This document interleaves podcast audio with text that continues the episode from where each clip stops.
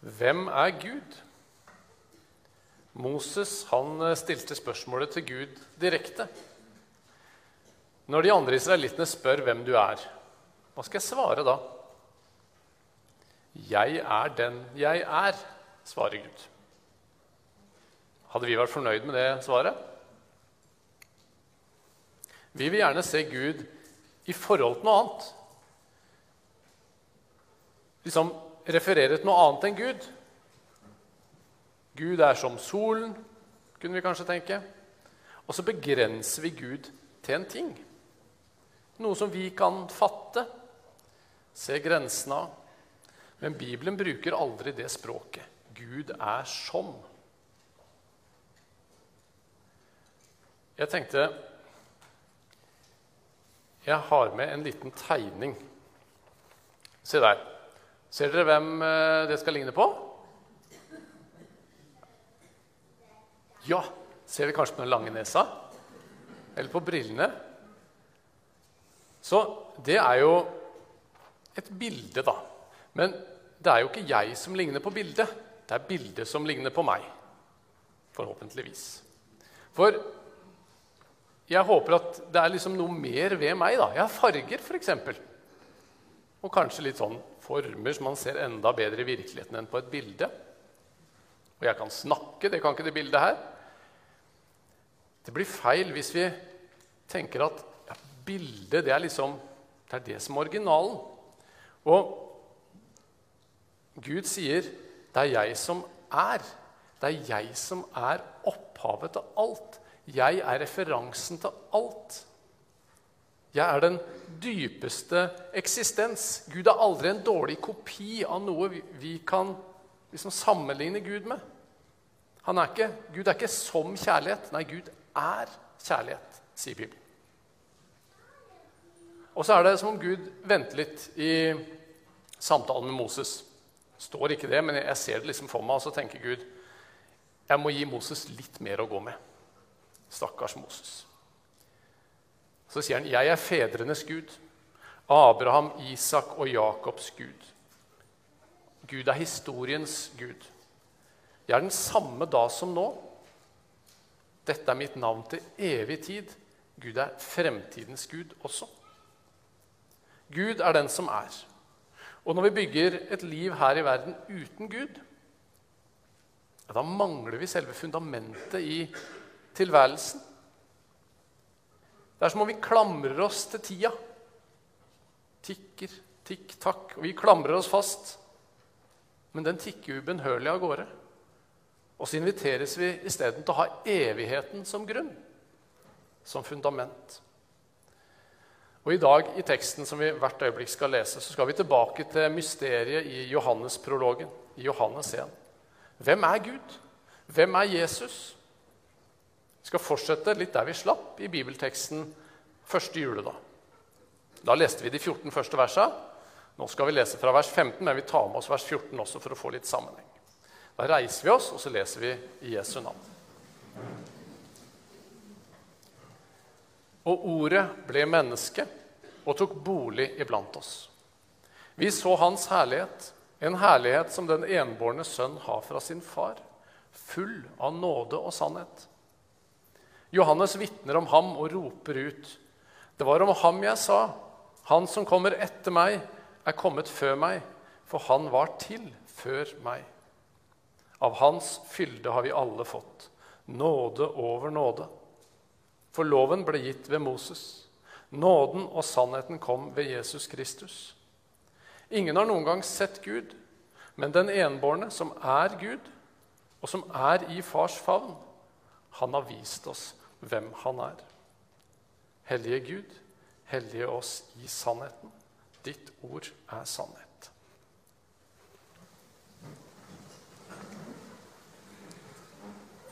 Moses han ville gjerne se Guds herlighet også. Det kan vi lese om i 2. Mosebok 33. Men i den tiden, i den gamle pakts tid, så var det ikke adgang til å se Gud fullt ut.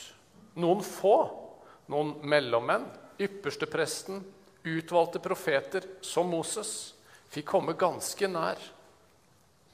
Men selv ikke Moses fikk se Guds herlighet fullt ut.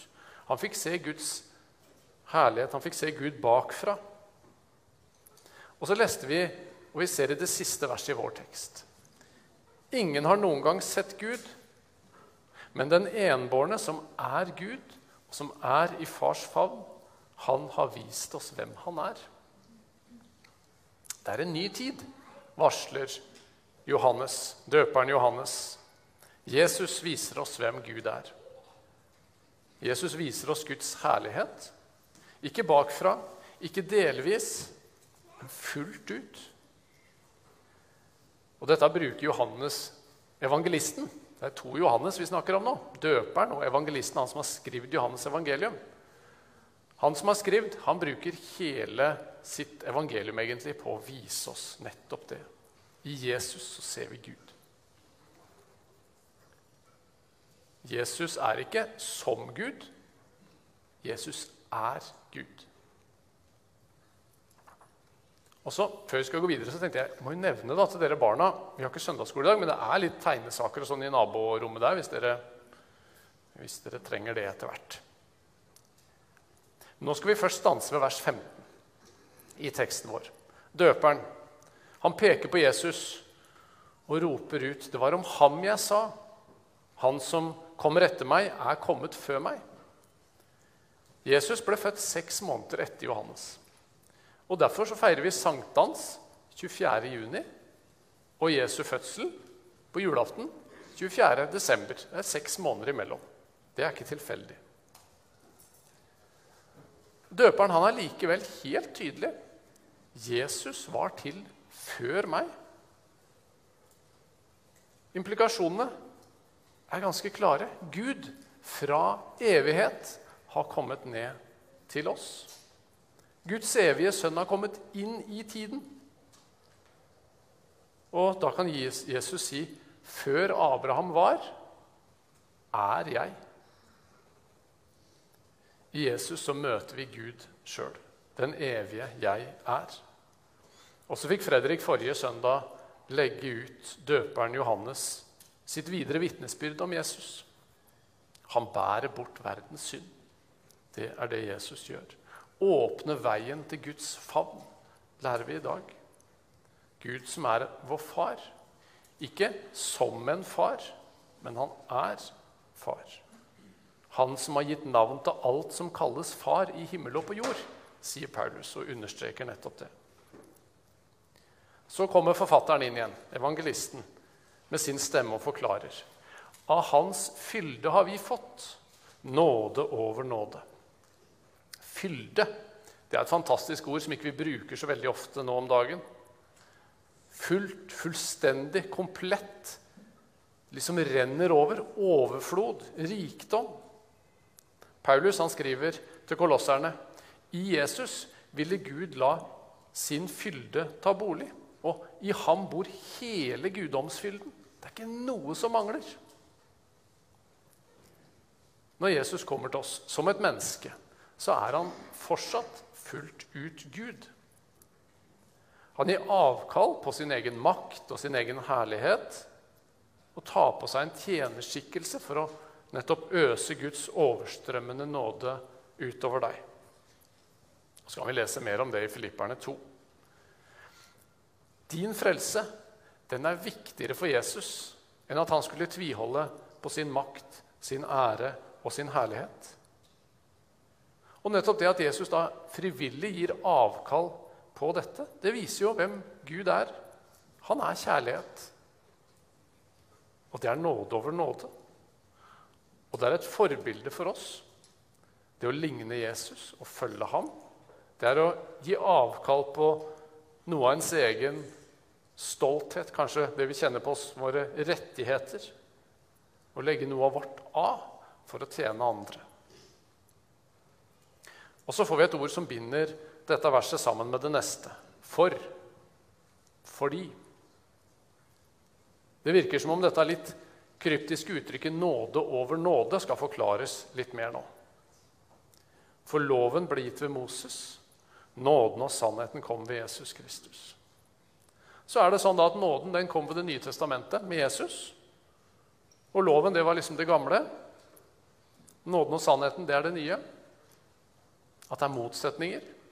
Det er ikke det Johannes setter opp her. Han setter det ikke opp som to motsetninger.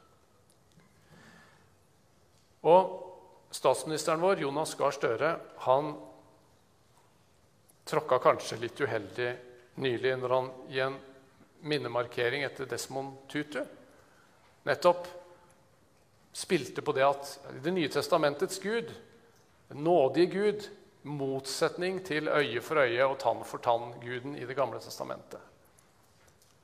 Det var kanskje ikke helt gjennomtenkt. Han mente sikkert ikke noe vondt med det.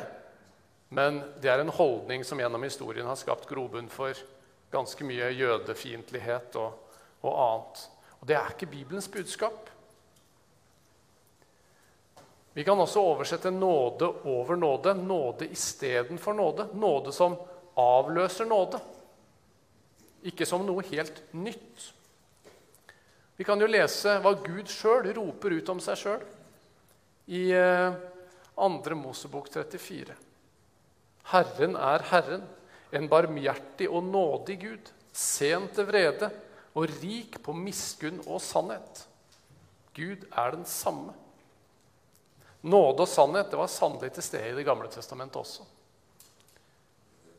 Det var nåde som kledde Adam og Eva i nye klær etter fallet, og som ga løfter om at en dag så skulle slangens hode knuses. Det var sannheten som forviste dem ut av hagen. Og det var sannheten som sa til David, 'Du er mann. Du har synda.'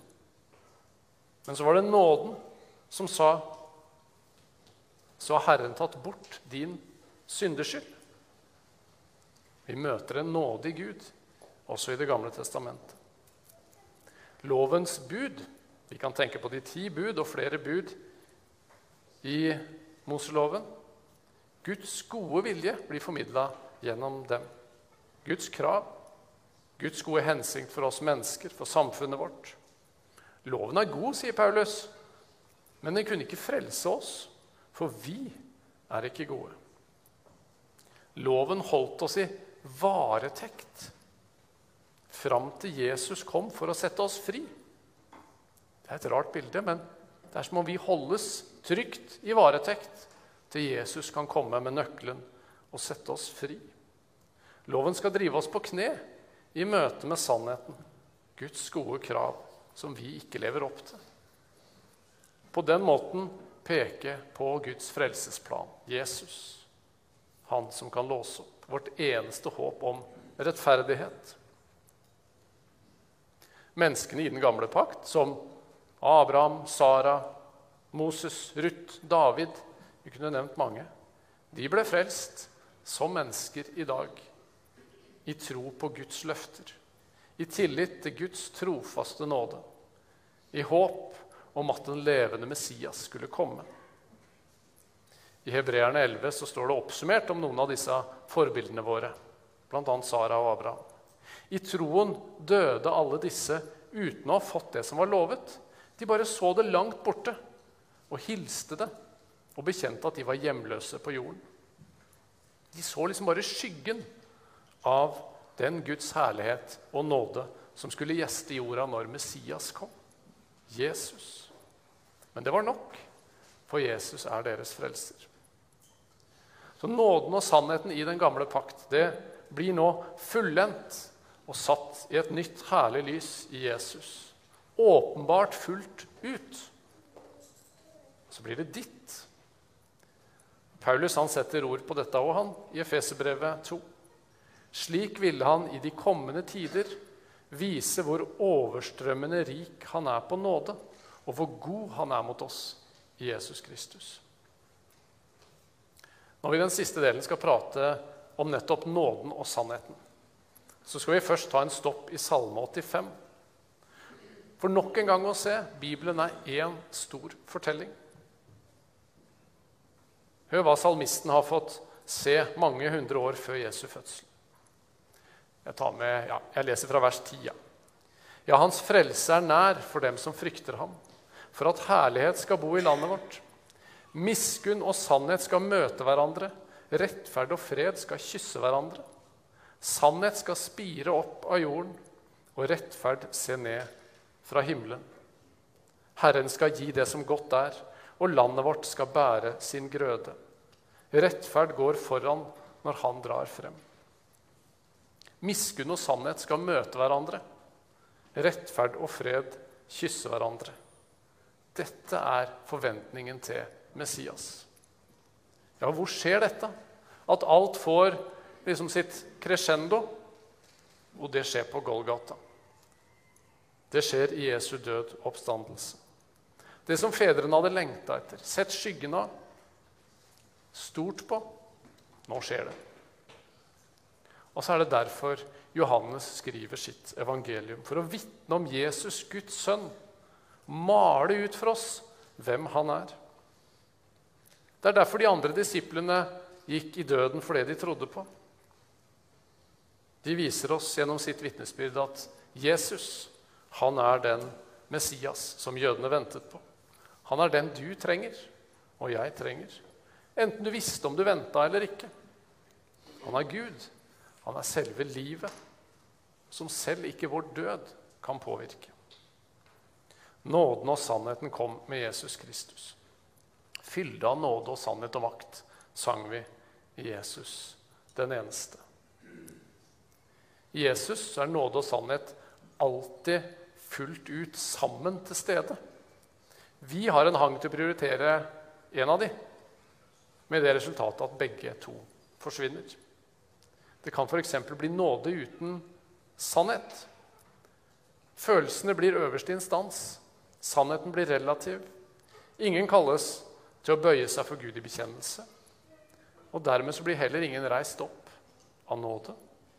Ingen kalles til omvendelse fra synd. Og da får heller ikke syndere vende seg mot Jesus i et liv i tjeneste for Gud. Hvis ikke sannheten får lyde, du en frelser, jeg en synder, ja, så trenger vi jo ikke nåde. Nåden forsvinner også. Det er det som er paradokset. Og det som står tilbake, det er enhver blir salig i sin tro-holdning, som er tom. Det ordner seg vel til slutt. Nei, det gjør ikke det uten Jesus. Det står ikke i vår makt. En vei som syns å være den rette, kan likevel ende i døden, står det litt dystert i ordspråkene som jeg leste her om dagen. Men det er en fattig trøst med mange klapp på skuldra når veien leder til fortapelse. Det er bare tragedie. Så vi må ha både nåde og sannhet. Men hva da med en nidkjærhet for sannheten, men uten en fylde av Jesu nåde? Vi møter det i møte med en rekke av Jesu motstandere i Bibelen. Vi møter det kanskje i kommentarfelt etter kommentarfelt i både kristne aviser og fora og ellers. Og vi møter det kanskje også i oss sjøl. Har du hørt? Har du hørt hva de gjorde? Har du sett hvordan de har stelt i stand? Sannhet uten nåde er hensynsløs, blir det sagt. Iskald, brutal. Ja. Og i loviskheten så er det neste som går tapt, nettopp sannheten. Sånn som vi møter den i Jesu utleggelse i bergprekenen. Vi blir opptatt av de ytre tinga, lovgjerningene, men innholdet i loven. Elsk de neste som deg selv. Elsk dine fiender. Ja, hva med det? Gud ser på hjertet, og der finner han sannheten om oss. All min kamp og mitt strev med selvforbedring det kan ikke gjøre mitt steinhjerte mykt. Men Jesus, han kan gi meg et helt nytt hjerte. Han kan gi deg et helt nytt hjerte. Han firer aldri på verken nåde eller sannhet. Heller ikke jeg fordømmer deg. Gå bort og synd ikke mer. Når sannheten om deg selv får deg på kne, jeg, en synder, så reiser sannheten om Jesus deg opp, han, en frelser. Han tar din plass i dommen, kler deg i festdrakt. Han har tilgitt all din synd. Det er nåden. Han bortforklarer ikke, glatter ikke over. Han sona det. Han er veien til livet. Og så kaller han deg og meg til nytt liv, i sannhet, i omvendelse, i Hans nåderike. Velkommen inn. Sånn er Gud. Åpenbart i Guds sønn, Jesus Kristus. Barmhjertig og nådig, rik på miskunn og sannhet, i evighet og til evighet. Amen.